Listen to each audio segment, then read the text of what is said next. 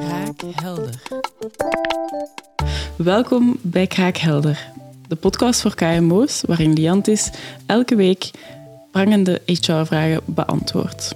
Vandaag heb ik Marie-Paul bij mij. Marie-Paul is Senior HR Consultant. Hoe gaat het met u? Ah, met mij alles goed, dank u wel. Uh, na de zomer weer goed gestart, uiteraard. En uh, ja. Bedankt om hier te zijn. Dank u. Uh, we hebben vandaag ook weer een uh, prangende HR-vraag um, op tafel liggen, die heel wat KMO's gaat um, bekend in de oren klinken, denk ik. Of, of toch wat dat heel veel KMO-werkgevers zal bezighouden. Wat is een marktconform loon? Nu, een uh, marktconform loon, uh, dat heeft eigenlijk al uh, iets te kennen over wat de markt voor dat loon biedt. Dus het gaat om een functiebereik binnen een functie, waar tegenover in feite een verloningspakket staat. Nu, in België is het loon eerst en vooral geënt op wat wettelijk voorzien is. Maar uiteraard, die wettelijke minima die liggen nogal aan de lage kant. En het is daar de markt die inderdaad speelt. Dus voor functies waar zeer veel vraag naar is, en waar het aanbod eerder beperkt is, daar zal het loon uiteraard volgens de wetmatigheden van het economisch gebeuren, zal het loon wat hoger liggen. Maar een marktconform loon is eigenlijk het jobbereik die bepaalt wat de markt voor dergelijke functieinhoud biedt. En het is altijd interessant als werkgever om dat eens af te toetsen met de markt als je een loonpakket voor een bepaalde functiehouder binnen uw organisatie wenst op te stellen. En hoe kunnen KMO-werkgevers eigenlijk zo'n zo'n salaris aftoetsen aan de markt? Nu, uh, er zijn uh, een aantal organisaties die zich specialiseren in het uh, opvragen van data daaromtrent en die daar rond bepaalde functies uiteraard de data beschikbaar stellen tegen betaling. Oké. Okay. Um, en hebben we dan ook over bijvoorbeeld basisloon in België. Hoe zit dat dan in elkaar ten opzichte van de extraatjes die erbij kunnen komen per functie? Of dat is iets waar wij vanuit Consult Advies eigenlijk onze KMO's bij helpen, omdat het niet altijd zo transparant is om te weten wat je natuurlijk voor een bepaalde functiehouder moet geven. Dus daar worden wij inderdaad uh, vrij vaak mee geconfronteerd. Maar uh, meestal start het loon van een bepaalde functiehouder met zijn sollicitatie en met wat de werkgever er wil voor geven. En dan is het eigenlijk een beetje de, de, onderhandeling tussen de werknemer, die eventueel ook van een andere werkplaats komt, mm -hmm. die uh, ten opzichte van zijn nieuwe werkgever ook uh, nakijkt wat hij uit de brand kan slepen in de onderhandelingen. Maar het is wel zo, het uh, minimum staat uiteraard gestipuleerd in de CAO die de werkgever volgt. En dat kan voor elke activiteit een andere CAO zijn waaronder een werkgever resorteert. Maar uiteindelijk is het meer dan alleen, dat, dat bepaalt het minimumloon. Maar alles wat daar natuurlijk fiscaal vriendelijk kan bijkomen, dat zijn zaken waar wij vooral begeleiding geven naar onze werkgevers toe, om vooral op dat tweede luik in te zetten en die extra legale voordelen toch een stuk te gaan uitputten. Ja. En merk je dan dat daar veel, veel nood aan, aan is? Een uh, verloningspakket is uiteraard uh, samengesteld liefst uit verschillende componenten, zeker in de huidige tijdsgeest, waar we uh, een felle war for talent hebben die nog steeds woedt, denk ik dat het als werkgever heel uh, interessant is om jezelf op dat vlak een stukje te kunnen onderscheiden en vooral in te zetten op zaken die uh, ook in het verlengde liggen van uh, waar je met je organisatie wenst op in te zetten. Eigenlijk loopt dat naadloos door naar het loonpakket van je medewerkers. Oké. Um, is het voor doorgaans voor KMO-werkgevers goed mogelijk om op te boksen tegen de, de grote de grote bedrijven, zeg maar, qua loon? Ik denk uh, dat als we het vandaag de dag hebben over een marktconforme verloning, dat we kunnen stellen dat er uh, individuele aspecten aan het loon zijn, groepsgerelateerde aspecten aan het loon, uh, dat er ja, eigenlijk uit vier verschillende luiken um, samengesteld kan worden. Dat het loonpakket uit vier verschillende luiken kan samengesteld worden. Dus eerst heb je de compensations, dat is eigenlijk uw vast loon en uw variabel loon, het bruto loon zogenaamd. Dan heb je de benefits, dat zijn extra legale voordelen die daarbij komen, zoals maaltijdchecks, eco-checks, groepsverzekering eventueel, ook uh, bepaalde tools, een gsm, een uh, laptop, een tablet. Ehm, maar dan heb je ook nog een aantal andere zaken, zoals bijvoorbeeld opleidingsfaciliteiten. je krijgt de kans om bepaalde zaken mee te pikken als medewerker, om bepaalde opleidingen te volgen die jou toch ook in je groeipad een stuk eh, kunnen eh, positief beïnvloeden. En dan heb je ook nog de cultuurgebonden aspecten aan je loon. Het, uh, de work-life balance, zeg maar, waar je bijvoorbeeld flexibele werktijden hebt die je kan hanteren, um, waar de cultuur van de onderneming ook heel bijzonder op inspeelt, waar je zeer flexibel verlof kan opnemen die uh, verlofdagen die geen uh, weken op voorhand dienen aangevraagd te worden.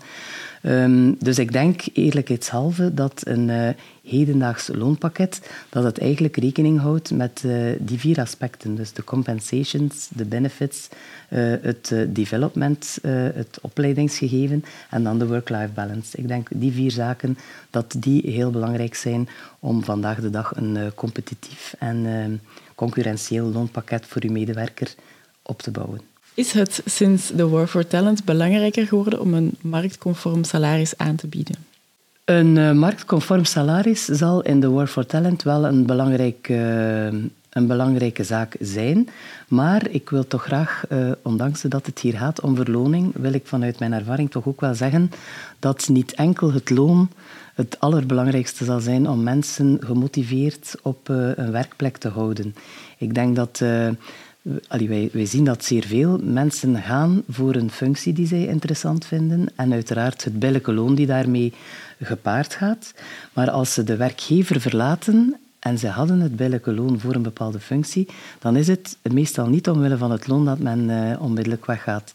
Daar heeft dat dan eerder te maken met uh, ja, communicatielijnen, met toch cultuurshifts die zij ervaren als niet uh, als hetgeen wat zij eigenlijk liever niet ervaren. Uh, of gewoon het respect die ontbreekt in de job, de doorgroeikansen die ontbreken. Maar communicatie is daar toch ook wel een zeer grote... communicatie met de rapporteringslijn, de rechtstreekse rapporteringslijn, lijkt daar toch wel een heel belangrijke factor in te spelen ook. Zou je dan durven zeggen dat bijvoorbeeld het de factor development, dat dat belangrijker is geworden? Ik denk, eh, ik denk uh, zeker in het kader van het levenslang leren en uh, tijden die zeer snel veranderen. Ook toepassingen in het werkveld die hun intrede doen. En waar toch mensen ook de flexibiliteit niet enkel de facto moeten hebben om zich flexibel op te stellen naar uren toe, maar ook de mentale flexibiliteit vooral.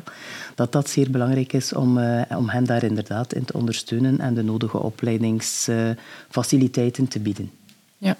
Een work-life balance, is dat dan iets dat we eerder hebben geërfd vanuit corona of zo? Thuiswerk, meer flexibiliteit qua uren, allez, schuivende werkuren, glijdende werkuren? Uh, het is ongetwijfeld zo dat de COVID-periode ons ook wel een aantal zaken gebracht heeft die uh, nu breed ingeburgerd blijken te zijn. En dat is inderdaad dat er veel meer afspraken of eerste afspraken uh, met teams gebeuren. Dat mensen ook structureel thuiswerk kunnen uitvoeren. En ik denk dat dat zeer goede zaken zijn. Maar uh, niettemin denk ik dat er ook verder door de ondernemingen moet ingezet worden op verbinding, die toch ook een heel belangrijke factor is naast het loonpakket om uh, mensen aan uw onderneming of organisatie te binden. Um, als KMO-werkgever, hoe vaak moet je dan ongeveer je lonen nakijken of optimaliseren of kijken van oké, okay, zijn ze nog wel in orde, zijn ze marktconform?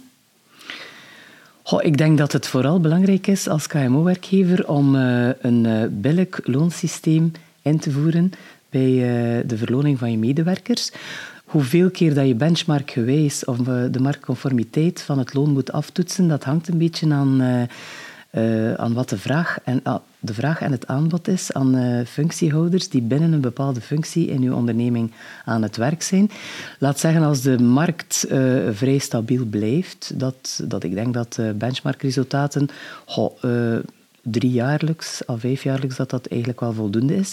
Maar als er zich bepaalde zaken stellen in de maatschappij, waardoor dat er een zekere stretch komt op de functie die jij ook als KMO-werkgever te werk stelt, dan is het wel nuttig om het uiteraard te weten wat anderen bieden voor die functie. Want het zou zeer uh, spijtig zijn als u uw menselijk kapitaal op die manier ziet wegvluchten naar andere uh, conculega's of uh, naar andere organisaties. Anderzijds blijf ik erbij dat het vooral heel belangrijk is om u vooral te focussen op uw eigen loonhuis. En om een functiehuis samen te stellen voor uw eigen KMO, ook al is dat, uh, ook al is dat maar een beperkt functiehuis, het geeft u als werkgever vooral ook de rust om uh, loonvragen die komen vanuit uw medewerkers op een, uh, op een, uh, ja, een goede manier aan te pakken eigenlijk. Zodanig dat u weet, dat u vooral weet welk systeem u hanteert, welke componenten u in het loonpakket als werkgever opneemt en eventueel de groepsgerelateerde looncomponenten die er zijn en die fiscaal vriendelijk zijn. Ik denk daarvoor aan een CAO 90 of aan een winstpremie, dat u die ook toch als groepsgerelateerde componenten integreert in uw loonpakket. U kan daar veel meer dingen mee doen dan op het eerste zicht zou blijken. En uh, die, die spelen toch ook wel, uh, die leuken het loonpakket toch ook wel zeer goed op van, van uw medewerkers. Zie je grote verschillen in bepaalde functies of, of geografische verschillen of zo? Laat zeggen dat het geografische, daar heb ik de indruk uh, vanuit eigen ervaring dat dat iets minder uh, rol speelt. Vroeger was dat wel zo dat uh, bepaalde functies rond grootsteden vaak ook iets zwaarder betaald werden. Ik heb niet de indruk met de War for Talent dat, dat, dat daar nog een grotere discrepantie in is. Wat je wel nog altijd hebt, dat is dat, dat, het, dat natuurlijk bepaalde sectoren uh, wel wat uh, meer betalen dan andere. Ik denk daarvoor bijvoorbeeld aan pharma en dergelijke meer. Maar de laatste jaren waren sectoren als IT en uh, financiële sector toch ook wel de sectoren waar specifieke profielen ook toch wel een, aan een grote opmars bezig waren wat hun loonpakket betrof. Omdat er nu typisch ook wel schaarste heerste bij die profielen.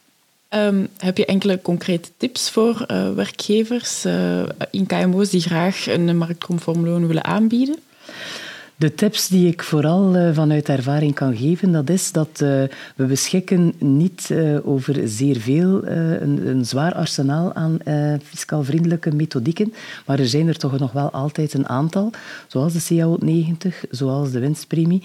En ik denk, ondanks dat die methodieken groepsgerelateerd zijn, dat een werkgever, ook een KMO, daar zeer mooie zaken mee kan realiseren ten bate van zijn uh, medewerkers. Dus ik denk niet dat het groepsgerelateerde een struikelblok hoeft te zijn. Je dient natuurlijk wel een aantal zaken te gaan objectiveren, maar uh, daar gaan wij onze KMO-werkgevers zeer graag bij helpen en adviseren om te zorgen dat ook die componenten kunnen ingeschakeld worden volgens zijn DNA van de onderneming, laten zeggen. Die objectieve criteria um, waar je het net over had, die, zitten dan vervat in het loonhuis, veronderstel ik. Uh, bijvoorbeeld, ja, dat is ook gelinkt, de objectieve elementen, om ook die groepsgerelateerde componenten een stuk vorm te geven, zijn inderdaad idealitair gelinkt aan het loonhuis.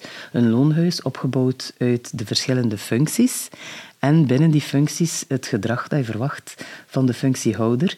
En dat kan, uh, dat kan ook in bepaalde niveaus worden weergegeven. En ook die niveaus zijn een objectief criterium om groepsgerelateerde looncomponenten aan op te hangen. Dus ook uh, dat blijft objectief. Zijn er bepaalde zaken waarvan je zegt van... Dat hoor ik toch wel heel vaak, terwijl het eigenlijk een misverstand is. Iets van dat mensen denken, ah, dat is een goede manier om, om het loon aantrekkelijker te maken, terwijl dat eigenlijk niet veel uitmaakt? Of... Nu, het is zo dat, uh, dat er heel veel, uh, zeker sedert het thuiswerk, dat uh, werkgevers ook heel graag uitreiken naar de forfaitaire onkostenvergoedingen die gepaard gaan met thuiswerk. Maar het blijven uiteraard forfaitaire onkosten voor een kost die moet gemaakt worden in principe. Dus het is altijd uh, natuurlijk leuk om iets extra te geven aan uw medewerker. Ook de medewerker wordt daar niet uh, rouwig om. Maar het blijft wel een uh, karakter van een kost behouden. En dan moet je natuurlijk als werkgever er wel op toezien dat je niet in je eigen voet schiet door bepaalde kostenvergoedingen te gaan toekennen. Daar waar het eigenlijk niet meer om de terugbetaling van kosten gaat. Dus het karakter dient toch nog altijd behouden te blijven. Want achterliggend dienen die kosten ook nog altijd bewezen te worden. Uh, dankjewel Marie-Paul. Ik vond het een heel boeiend gesprek. Ik heb nog een laatste uitsmijter eigenlijk, een vraag. Um, wat is het favoriete dessert van deze expert? Het favoriete dessert? Ja. U overvalt mij een beetje met uw vraag, Florence. Het uh, favoriete dessert, uh, laat ons maar gaan voor rode vruchten. Rode vruchten, oké. Okay, zeer gezond. oké, okay, dankjewel. Zo, dat was uh, deze aflevering. De volgende keer gaan we het hebben over het cafetariaplan. Heb jij zelf nog een HR-vraag die je graag beantwoord wil zien worden door onze experts? Stuur die dan door via onze website liantis.be slash kraakhelder of stuur je vraag door via een DM via Instagram naar kraakhelder.podcast. Tot de volgende keer.